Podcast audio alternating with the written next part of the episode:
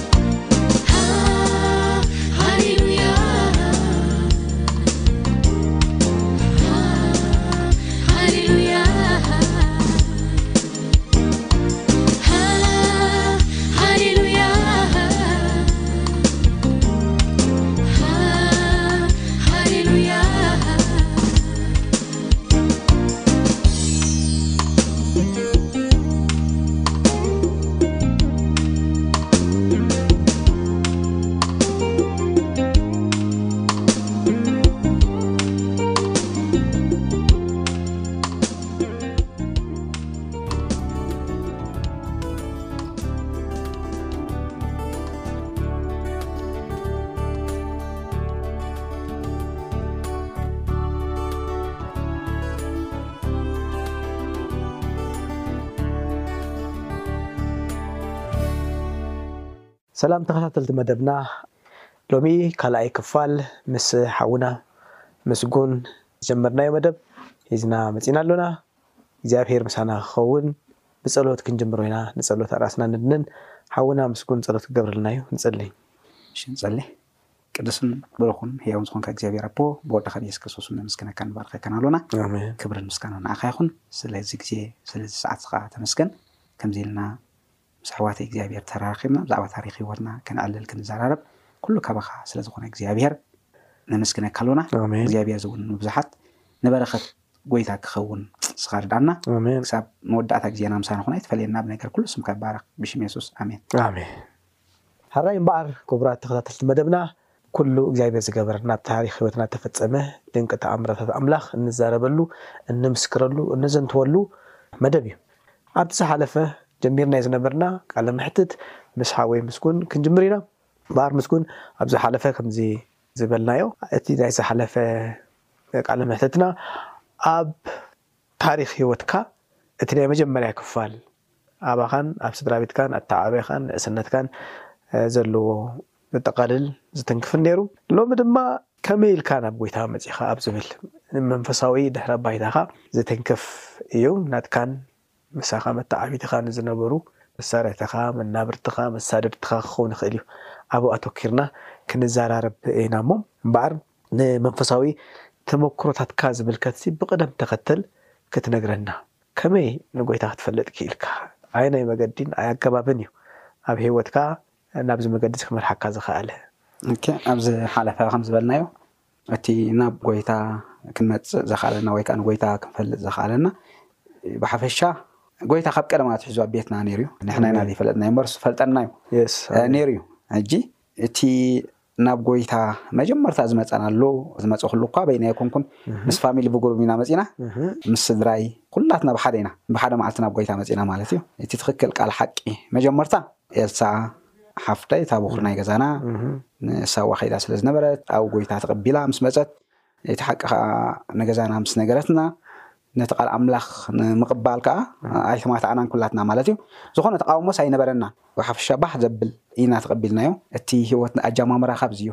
እቲ ንጐይታ መጀመርታ ኽፈልጦ ዝኸኣልና ማለት እዩ። ብኤልሳ ሓብተይ ገይሩ ተመስኪርልና፣ ብኡ ጌርና ኸኣ ናብ ጐይታ መጺእና ማለት እዩ። እንታይ ነይሩ እቲ ሪኣክሽን? ሽዑሲ መጺኣ ነጊራትኩም ክትምስክረልኩም ምስ ጀመረት ዝነበረ ናይ ስድራ ቤት ሪኣክሽን ነይሩ ዶ? ብዙሕ ኣይነበረን። ምሽ ከምቲ ኩሉ ሰብ ካብ ሓደ ናብ ሓደ ክትሰጋገር ከለኻ ግን ኣሎ ሓደ ሓደ ሕቶታት ዝመጸካ እሱ ከኣ ግን ብመደብ እዩ ኣነ ኩሉ ነገር ክርኢ ከለኹስ ወላ ንዓይ እዩ ድንጽወኒ ሓደ ብዙሕ ተቃውሞ ይነበረ ከምዚ ካልኦት ሰባት ናብ እምነት ክመጹ ከለዉ ብዙሕ መከራ ብዙሕ ነገራት ዘሕልፍዎ ኣብ ቤትና ካብ ፋሚሊ ከምኡ ይነበረን መከራ ዝበሃል ናይ ፋሚሊ ናይ ኣሕዋት ኣይነበረን እቲ ነገር እቲ ይዝከረኒ ኮፍ ኢልና ከለና ኣቦይ ኣደይ ኤልሳ መጽያ ንሕና ከኣ ኔርና ቡን እናሰተዩ ከለዉ እቲ ቃል ኣምላኽ ክትነግረና ዝከረና ሽዑ ኣደይ ኣብ መብዛሕትኡ ትሓታ ኔራ ዋይ እዚ ኩሉ ንገብሮ ዘለና እዚ ኩሉ ነብሎ ዝነበርና ደኣ እንታይ ይጠቕመና እንታይ ከ ይኸውን ኢላ ብዙሕ ትሓታ ኔራ ከምኡ ኢላ ምስ ነገረታ ኤልሳ ከኣ ብዛዕባ ብቃል ኣምላኽ ጌራ ኩሉ ነገራት ምስ ረዳእታ ግን ካብ ኣምላኽ እዩ ሕጂ ኣደይ ብዙሕ እቲ ዝገብሮ ዝነበረ ኣብቲ ዝነበራ እምነት ደኣ እምበር ኣፍልጦ ቃል ኣምላኽ ኔርዋ ኣይኮነን ፍርሃት እቲ ፍርሃት ካብ ቀደም ዋላ ብ ገዝኦም ዋላ ናይ ነደይ ስድራ ኔሩ እዩ ፍርሃት ኣምላኽሲ ኣብ ቤት ኣቲ ሒዝካስ እቲ ን ኣምላኽ ምፍራህ ወይ ከኣ ግብርታት ኣምላኽ ምግባርሲ በቲ ዝተረድኦ መጠንሲ ኣብቲ ቤት እቲ ኔሩ እዩ ሕጂ ኣደይ ከኣ ብኸምኡ እያ ትኸይድ ኔራ ሕጂ። እቲ ቅንዕና እቲ ንናይ ኣምላኽ ነገራት ትሕት ምባልሲ ኔሩ እዩ ከምቲ ዝሓለፈ ኔሩ ዘዕለልካኒ። ሕጂ ካብ ዓባየይ ኣዲኣ ነደይ እዚ ንሕና ኣብ ኣድቬንትስ ብ ቀዳም ዓባይ ሕጂ ካብ ቀደም ኣትሒዛ ቀዳመ ሰንበት ዝተገብረ ወይ ዝተጎርኤ ዝተወርደ ማይ ዝኾነ ነገር ኣይትንክፍን እያ ክትግ ክሰርሓላ ከ ኣይትፈቱን እያ ወላ ሓንቲ ክትሰርሓላ ኣይትፈቱን እያ እዚ ሕጂ ብ ጎይታ ከይመጻና ከለና ዓባይ ኣይትገብሮ ዝነበረት እዩ ሕጂ ኣደይ ከኣ ናታ ነይርዋ ብዛዕባ ቀዳመ ሰንበት ሲ ዝኾነ ነገር ሲ ክኸውን ዝኾነ ነገር ክንገብር ከም ዘይብልና ወይ ከዓ ክትገብር ከም ዘይበላ ትፈልጥ ነይራ እያ ሕጂ ብዓርብያ ተዳልዎ ነይራ ንኩሉ ነገራ ሕጂ እዚ ትሒዙ እዩ ነይሩ ነይሩ ሕጂ ብሓፈሻ ግን እሳ መፅያ እቲ ቃል ኣምላኽ ምስ መስከረትና እቲ ሓቂ ነገር ምስ መስከረትና እስካብ ኣምላኽ እዩ ተቃውሞ ኣይነበረን እቲ ሓደ ሓደ ሕቶታት ኣደይ ትሓታ ዝነበረት እዩ ንሱ ምስ ኮነ ከኣ። እንታይ ትሓታ ነይራ እስኪ እንታይ ሓቲታታ ክትከውን ትኽእል ማለትሲ ክገርመኒ ጸኒሑ። ብዛዕባ እቲ በዓላት ንገብሮ ዝነበርና ዓመታዊ በዓላት ንገብሮ ዝነበርና መስዋእትታት ንገብሮ ዝነበርና ኩሉ ነገርሲ እዋእ እዚ ደኣ ንምንታይ ኢና ንገብሮ ኣለና እንተ ዘየጽድቀና ኮይኑ እንተ ናብ ኣምላኽ ዘየብጽሓና ኮይኑሲ ንምንታይሲ ንገብሮ ኣለና ኢላ ትሓታ ነይራ። ግን እዚ ኣምላኽ መስገን እግዚኣብሔር ከምቲ ዝሓለፈ ዝበልኩኻ ኣምላኽ ንኹሉ ነገራት ንልብኻ እንተዘልዎ ምግላጽ እንተ ሂብካኻ ክትመጽሖ ዝኽእል ወላ ብ ሕጂ ናይ መንፈሳዊ ህይወተይ ኮይነ ብዛዕባ ኩነታት ናይ ስድራይ ኩሉ ነገር ይሓስብ ነይረ ከመይ ጌርካ ንጎይታሲ በቲ ገለ ሰባት ንጎይታ ንክቕበሉ ዘሕልፍዎ መከራስ ብዙሕ እዩ ወይ ብዙሕ ተቃውሞታት እዩ ዘሎ ኣብ ቤትና ግን ከምኡ ይነበረ ወላ ሓንቲ ተቃውሞ ይነበረ ክሪኦ ከለኹ በቃ ተቃል ኣምላኽ ሰሚዕና ኣብኡ ከለ ጥራይና ተቐቢልናዮ ጥራይ ከምዚ ንድሕሪ ዘብል ኣይነበረና ደድሓርሓረ ሰብ ኣይነበረና ወላ ካብቲ ሰብ ዝመፀካ ምፍላይ ወላ ብዙሕ ነገራት ሲ ቁርፅ ራያ ዋእኸ ቁርፅ ራያ ናቢልኒ እዚኣ ምስ መፀት በቃ ኣደ ከዓ ገዲፈ የለኹ በል ገላ ገዝፍ ኣቢላታ ቁርፅ ኣቢላታ ስለዚ ወላ ካባና እውን ንምንታይ ከምዚ ትገብር ኢልና ሲ ተቃውሞ ኣይነበረን ካብ ኣቦይ ከምኡ ኣይነበረን በቃ ገዲፍናዮ ሕጂ ንዓና ከኣ እንታይ ቁሩብ ድሕሪኡ ይጠቒመና፣ እቲ ቃል ኣምላኽ ሽኡ ከነንብቦ ጀሚርና። ከምኡ ምስ በለትናሲ ከነንብብ ጀሚርና ማለት እዩ። ወላ እቲ ምንባብ ከኣ እግዚኣብሔር ስለ ዝደገፈና ከነብሎ ጀሚርና ሽኡ ማለት እዩ። ብኡ መጠን ከኣ ቀልጢፍና ክንገድፎ ጀሚርና፣ ካብኡ ክንወጽእ ጀሚርና ማለት እዩ። እንታይ መስዋእቲ እንታይ እምነት ቆራጽነት እዩ እዚ ማለት ብድኽ ከተብሎ ሓደ ነገር ከስተውዕል ጸኒሐ ክትዛረብ ከለኻ ማለትሲ ንሰናይ ግብሪ ሕጂ ከም ዝመስለኒ ኣይ ዶንት ኖው ክጋገ ይኽእል ከምኡ ክኸውን ይኽእል ከይከውን ይኽእል እዚ ዝብሎ ዘለኹ ሓሳብ ግን እንታይ ዘሎ ኮይኑ ተሰሚዑኒ ኣብ ናይ ማማ ሓሳባት ብፍላይ እንድሕር ከይደ ማለት ንሰናይ ግብሪ ን ምቅድዳም ንሰናይ ግብሪ ከኣ ክትግዛእ ርእስኻ ምሃብ ምክንያቱ እቲ ማለት ሓራሪ እዚ ጎይታ ቅድሚ ምቕባለይን ድሕሪ ምቕባለይን ዝበሃሉ ኣዘራርባታት ከመይ ይርእዮ ንኣብነት ኣባይ ካሴ በቲ ክትብሎ ዝጸናሕካ ገለ ካብቲ መጽሓፍ ቅዱስ ዝብሎ ሓሳባት ብምውሳድ ማለት ዋላ ፍርቃ ፍርቂ ክኸውን ይኽእል እዩ ማለት ቀዳመ ሰንበት ገለ ስለ ዝበልና ማለት እዩ ከም ተማሃሮ መጽሓፍ ቅዱስ ሰንበት ሓንቲ እያ ግን ዝተረድኣ ነገር ነይሩ ብደንቢ ከረድኣ ዝኽእል ሰብ እያ ስኢና እምበር ንጎይታስ ንጎይታ ኢላ ትእዘዞ ከም ዝነበረት ጎይታስ ከም ዘለዋ ከም ዝነበረን እንተ ኣደሰ ክትርዳእ ትኽእል ኢኻ። ማማውን ዋላ ስድራቤትኩምን እዚ ሓሳብ እዚ ነይርዎ እዩ። ክሳብ ንጎይታ ዝኾነ ኣብ ሓደ ፊልድ ኣብ ሓደ መድረኽ ክሳብ ዘሎና ሲ ዋይ ኖት ዘይንገብሮ ዋይ ኖት ዘይንስዕቦ ዘይንኸዶ ዘይንቕጽሎ ዝብል ዝበሉ ኮይኑ ይስማዓኒ ብናተይ ሓሳብ። ምኽንያቱ ሲ ሰናይ ግብሪ ናይ ምግባር ማለት ንኣምላኽ ናይ ምሕጓስ ከም ፍቓድ ኣምላኽ ኮንካ ናይ ምርካብ ኩነታት እምበር ናይ ሃይማኖት ምቕያርን ዘይምቐያርን ከም ዘይነበረ ይርድኣኒ ኣሎ። ማለት ብዘይ ክፉእ ግብረ መልሲ ብዘይ ናይ ተወላውሎ ሻሉ እሞ ከኣ ብምስትውዓል ኣነስ ዋላ ንኤልሱ ስለ ዘፍቅርዋ ዝወሰኖ ውሳኔ እውን ከም ዘይኮነ እዩ ዘርእየካ ዘሎ። ምክንያቱ ካብኡ ዝሓለፈ እዩ ብምስትውዓል ዝተገብረ ምዃኑ ክትርኢ ትኽእል ኢኻ። ንኣብነት እቲ እተሓተቱ ሕቶ እሞኸ ደኣ እዚኤ ዜን በዓላት ከ ከመይ?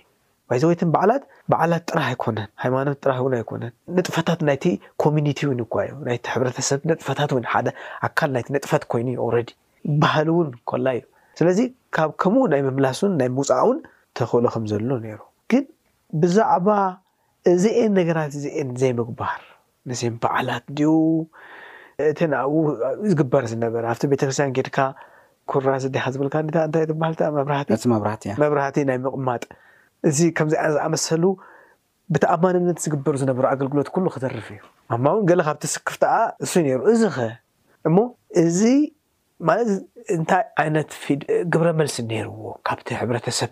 እዚ ነገራት እዚ ኩሉ ክተርፍ ከሎሲ እቲ ሕብረተሰብስ ብኸመይ ርእይዎ? ንስኹም ከኣ ምስኣ ኣተሓሒዛ ክትብለለይሲ እንታይ ዓይነት ግብረ መልሲ ትቕበሉ ነይርኩም ወይ ተእንግዱ ነይርኩም ኣብኡ እግረ መገድኻ? ንዑ እዋ እዚ ሕጂ ካብቲ ሕብረተሰብ እዚ ነገርዚ ወላ ንዓይ ዝገርመኒ ሕጂ እቲ ጎይታ ንጎይታ ዝተቐበልናሉ ግዜ ብሓፈሻ እታ ናይ ዓመት ንገብራ ውራይ እትቐርበላ ወርሒ ዝተረፈትላ ግዜ ኣብ ሂወትና ቀጻላዊ እዩ እዚ ዝዓይነት በዓል ሙሉእ ደፊኖሞ ክብሉኻ እሞ ከኣ ዓዲ ሙሉእ እዩ ዝፈልጠካ ከቢድ እዩ እዚ ነገር እዚ ናይ ዓመት ክትብል ከለኻ እዚ ኣብ ዓመት ኣብ ዓመት ሓደ ግዜ ዝግበር ዓቢ በዓል እዩ እንታይ በዓል ነያ እሞ ኢልካ ጋብር እዩ ጋብር ናይ ጋብር በዓል ማለትካ እዩ እዚ ዓመታዊ እዩ ሕጂ እዚ ነገር እዚ ክተቋርጾ ቀሊል ኣይኮነን ብጣዕሚ እሞ ከዓ ናባኻ እናመፀ እናተፀበየ ከሎሲ ንሕና ገዲፍናዮ ኢና ጥራይ ኢልና ተቆሪፃ በቃ ከመይ ኢልኩም እዚ እስከ ንገረኒ መፂኦም ድዮም ዋላስ ቅድሚ ምምፅኦም ነጊርኩሞ ቅድሚ እዚ ነገር እዚ ወርሒ ምስ ተረፋ መፂኦም እቲ ኩነታት ኣደይ ካብ ቸርቺ እግራ ምስ ተዝሓጠ ነገራት ኩሉ ነገራት ምስ ኣበለ እቲ መብራት ምቕማጥ ሕምሒም ገለ መፂኡ ተሪፉ እወ እቲ ቲሒምሒም መፅዩ ን እቲ ሕማቕ ነገርካ ቀልጢፉ እንዲፍቲ ዓዲ ዙር ዝብል በቃ ጴንጠ ኮይኖም ኢሏ እቲ ዓዲ ምልእቲ ከምኣ ኮይና ማለት እዩ እታ ክሳይ ኮይና ማለት እዩ ሕጂ በዚ መጠን መፅኦም ምስ ሓተቱ ንሕና ሎሚ እምነትና ኣይኮንናን ቀይርና እምነትና ቀደም ክርስትያን ኢና ነርና ሎሚ ከዓ ክርስትያን ኢና ኣብታ ዘለና ኢና ዘለና ግን እቲ ቅኑዕ ዝኾነ ነገር ዝተረድእና እቲ ዘይኽብር ክሞኻ ከጽድቐና ዘይክእል ነገር ኢና ገዲፍናዮ ስለዚ እቲ እንገብሮ ዝነበርና ዓመታዊ በዓላት ይኹን ካልእ ነገራት ይኹን እዚ ከጽድቐና ኣይከኣለን ናብ ኣምላክ ከብጽሓና ኣይክእልን እዩ ስለዚ ኮንቱ ምዃኑ ስለ ዝፈለጥና ንሕና ነዚ ነገር እዚ ካብ ሕጂ ንኔው ገዲፍናዮ ኣለና ንበዓላት እንገብሮ ወይ ከዓ ንሰዎ ኣብነታት የበልናን ኣብዚያ ትመፅእ ሕጂ እትዮም ኣብዚያ ዝመፁ ዘሉ እቲ ኣባት ነብሲ እዩ ድመፅእ ዘሎ መጀመርታ እሱ ምስ መፀ ኣደይ ንዑ ትዛረቦ ማለት እዩ ካልኣይቲ ሓቶ ብዛዕባ እታ መጽሓፍ ቅዱስ ሽዓ ምስ ሓተተቶ፣ ኣነ ከምኡ ኣይበልኩኽን ኢልዋ፣ ካብኣ እዩ ከይዱ ሽው። ሽው እሱ ናብ ቤተ ክርስትያን ከይዱ፣ ኣነ እዞም ሰባት እዚኦም ካብ ነብሰይ ኣውሪደዮም ኣሎኹ፣ ሓላፍነት ናይዞም ሰባት እዚኦም የብለይን ኢሉ፣ እታ ክሳይ ካብኡ ሽው መጽያ። እቲ ኣዝዩ ምብላዕ ዋላ ጎረባብቲ ምጽላእ፣ ጥቓኻ ተጸጊዖም ምኻድ፣ ብዛዕባኻ ምሕሳብ፣ ቤተ ሰብ ኣብዚ ሽው ብጣዕሚ ክስታይ ኮይኑ። ስለዚሲ ካብ ዓዲ ወጺኡ ኣብ ስድራ ቤት። ብስጋ ኣዝማድ ውን በጺሑ ማለት እዩ። እወ ብጣዕሚ ኩሎም ቤተሰብ ብዛዕባ ናይ ኣደይ ብዛዕባ ዓባየይ መጽየን ክንደይ በክየን ዋይ ክንደይ ተዛሪበን ክንደይ ተጻሪፈን ክንደይ ኩሉ ነገራት ኢለን። እስኪ ኣዘንትወልና እስኪ ገለ ዛንታታት ኣብኡ ተተፈጠረ። ሕጂ ኣምላኽ መስገን ኣነ ሕጂ ሓደ ነገር ኣብዚ ክርእዮ ከለኹ ምሽ ኣሎ እግዚኣብሔር ሲ ይብል ቃል ኣምላኽ ሲ መልኣኽ እግዚኣብሔር ሲ ኣብ ዙርያ እቶም ዝፈርህዎ ይነብር የናግፎም ቃል ሕጂ እዚ ኩሉ ነገር ጎይታ ክንቅበል ከለና ሲ ኣብ ኩሉ ነገር ኣምላኽ ምሳና ነይሩ እግዚኣብሔር ኣብ ዙርያና ነይሩ እንብሎ እነዛረቦ ኩሉ ነገር ካብ ኣምላኽ እዩ ነይሩ ስለዚ ንሕና ብዛዕባ እቲ ንኣምላኽ ምስ ዓዳ ኣይዝረኣየና ነይሩ እምበር ኣብ ልዕሌና ዝመፅእ መከራ ይኹን ኩሉ ነገራትን ነበር ኣይነብሎን ኢና ነይርና እንተመፀ እውን ድልዋት ኢና ነይርና ምኽንያቱ ኣነ ኣብ ህይወተይ ኣብቲ ዝመሃረሉ ዘብለሉ ዝነበርኩ'ሲ ብዛዕባ እቲ ካብ ንክርስቶስ ምስዓብ ክረኽቦ ዝግብኣኒ ህይወት ናብ ክርስቶስ ክበጽሕ ኣብ ህይወተይ ዝመጸኒ መከራ ኣዝየ ይመሃር ነይረ። ጎይታ ኣብዚ ነገር እዚ ብጣዕሚ እዝየ ተማሂረ ናቲ። ሕጂ ንክርስቶስሲ ህይወት ክንረክብ ጥራይ ኣይኮናን እንስዕቦ ወይ ከኣ ብስሙ እውን መከራ ምእንቲ ክንጸግብ ኢና ዝተጸዋዕና። ሕጂ እዚ ብዙሕ ኣብ ህይወተይ ይመጸኒ። እቲ ኣብ ህይወትና መከራ ክመጽእ ዝኽእል ነገር፣ ክንሓልፎ ዝግባኣና ነገር፣ ንጎይታ ምስዓብ ኣብ ህይወትና ክመጸና ዝኽእል ነገርሲ ብዙሕ ነገር ኣብ ህይወተይ ይመጸኒ ነይሩ። ስለዚ ህይወትና ከብኡ መጠን እየ ዝሪኣ ነይረ። እቲ ንሓልፎ ዋላ እቲ ካብ ሰብ ዝመጸና ዝነበረ ኣብ ህይወትና ተቓውሞ ንክርስቶስ ምስዓብናስ ስለቲ ሓቂ ቃል ኣምላኽ ኢና እዚ ኩሉ ስደት ኣብ ህይወትና ዝመጽእ ነይሩ። እስከ ክፉእ ነገር እንተንገብር ነይርናሲ እንታይ ምኾነ ኢለ ይሓስብ ነይረ። ስለዚ እቲ ንስዕቦ ዝነበርና ንክርስቶስ እዩ፣ ሓቂ እዩ፣ ጽድቂ እዩ፣ ኹሉ ነገራት። ሕጂ ብመጠን ኣብቲ ህይወትና ዝመጸና መከራ ብኡ መጠን ከኣ ናብ ጎይታ ከኣዚና ንቐርብ ኔርና። ሕጂ እንታይ ኢላ ሓደ ግዜሲ ተኣኪብና ከለና እዚ ነገር እዚ ምስ ተፈልጠ ማለት እዩ ኣቐሽሽቲ መጺኦም ኣቢልናዮም ሽኡ ቤተ ሰብ እቶም ቀንዲ ፋሚሊ ናይ ኣብቲ ዓድና ንነብር ቀንዲ መጺኦም ሕጂ ገዛና ከኣ ከምዚ ናይ ፋሚሊ ዓቢ ገዛ ትጽዋዕ ኩምያ። ዝፈትውዋን ዘፍቅርዎን ካብ ቀደም ኣትሒዙ ካብ ኣሓጎታትና ኣትሒዙ ዝፈትውዎምን ዘፍቅርዎም እዩ ሕጂ ብገዛና ብምምጻእ እቲ ፋሚሊ ከዓ ኣዝዩ ሓሚሙ እዩ እቶም ካብቶም ቀንዲ ፈተውትና ዝመፁ ሕጂ እንታይ ይብሉና ምባል ምምፃእ ምምፁስ ብኣኹም ብምምፁ ኢና ዘሕዝነና እሞ ከዓ ብኣኹም ሕጂ ኣዝዮም እዮም ዝፈትውና ኣዝዮም እዮም ከዓ ዘፍቅሩና በዚ መጠን እዚ ንሕና ናብ ጎይታ ምምፃእና ግን ኣዝዮም ጸሊኦሙና እዮም ሽኡ ግን ንሕና ዝሓዝናሎም ነገራት ኣይነበረን ምኽንያቱሲ እቲ ናቶም ጽልእሲ መዓር ክንደይ ከም ዘፍቅሩና ኢና ንሪኦም ነይሩ ስለ ዘፍቅሩና እዩ ከምኡ ኣብ ልዕሊና ጽልኢ ወይ ከዓ ኣብ ልዕሊና ክፈሉዩና ክኢሎም እምበር ካልእ ነገራትሲ ኣይኮነን ሕጂ ከምኡ ኢሎም ሓደ ግዜ ምስ መጹ ኣደይ ኣደይ እያ ትዛረብ ኣብ ኩሉ ኣቦይ ከዓ ንፉዕ እዩ ዋላ ቃል ኣምላኽ ይምልሰሎም እዩ ኣቕሽሽቲ መጽዮም ቤተሰብ መጽዮም ሕጂ ካብቶም ቀንዲ ቤተሰብና ምስ መጹ ሽኡ ንዛራረብ ወላ ካልኦት ቤሰብ ከም ኣደይ ዝኣመሰላ ኣብ ቸርች ምስኣ ድኸዳ ድነበራ ኔረን መሓዙታ መጽየን ኣዝዮም በኽዮም እዮም ኣልቂሶም እዮም ኣብቲ ገዛ ብጣዕሚ ሕጂስ እክብ ኢልና ሕጂ ጥቕሲ ኣብ ጥሚት ቦዘላሲ እንታይ ሽኡሲ ጽሕፋ ኔረሲ ተላዓል ናይ ገዛና ጠቂያ እቶም ብክርስቶስ የሱስ ብፍርሃት እግዚኣብሔር ክነብሩ ዝደልዩ ኩሎምሲ ክስጎጉ እዮም ሕጂ ንዓቃ እዚ ኩሉ ነገር ዝዳእና ኣምላኽ ስለ ዘበለና እቶም ብክርስቶስ የሱስ ብፍርሃት እግዚኣብሔር ክነብሩ ዝደልዩ ኩሎምሲ ክስጎጉ እዮም ምስጓጉናስ ንክርስቶስ ምፍርሃና ብክርስቶስ ምንባርና እምበር ንካልእ ምስዓብናሲ ኣይኮነን ኣሜን ሕራይ ምስጉን ሃወይ ክሳብ ሕጂ ኣብ ቀዳማይን ካልኣይን ክፋል እቲ ምስክርነትካ፣ ግዜኻ ዓዲግካ፣ ከምዚ ዝኣመሰለ ናይ ህይወት ተመኩሮ፣ ገና ውን ዘይተወድኣ ብሕጂ ውን ንቕጽል፣ ከተካፍለና ፍቓደኛ ስለ ዝኾንካ፣ ብግሩም ዝኾነ ኣገላልጻ ከኣ ክትምስክረልና ስለ ዝኸኣልካ፣ ንእግዚኣብሄር የመስግኖ፣ ንዓኻ ከኣ ኣምላኽ ይባርካ። ኣሜን ሰማሓወይ ተባረኽ። እምበኣር እግዚኣብሄር ኣምላኽ ምስ ኩላህና ይኹን ሰላም ጽንሑ።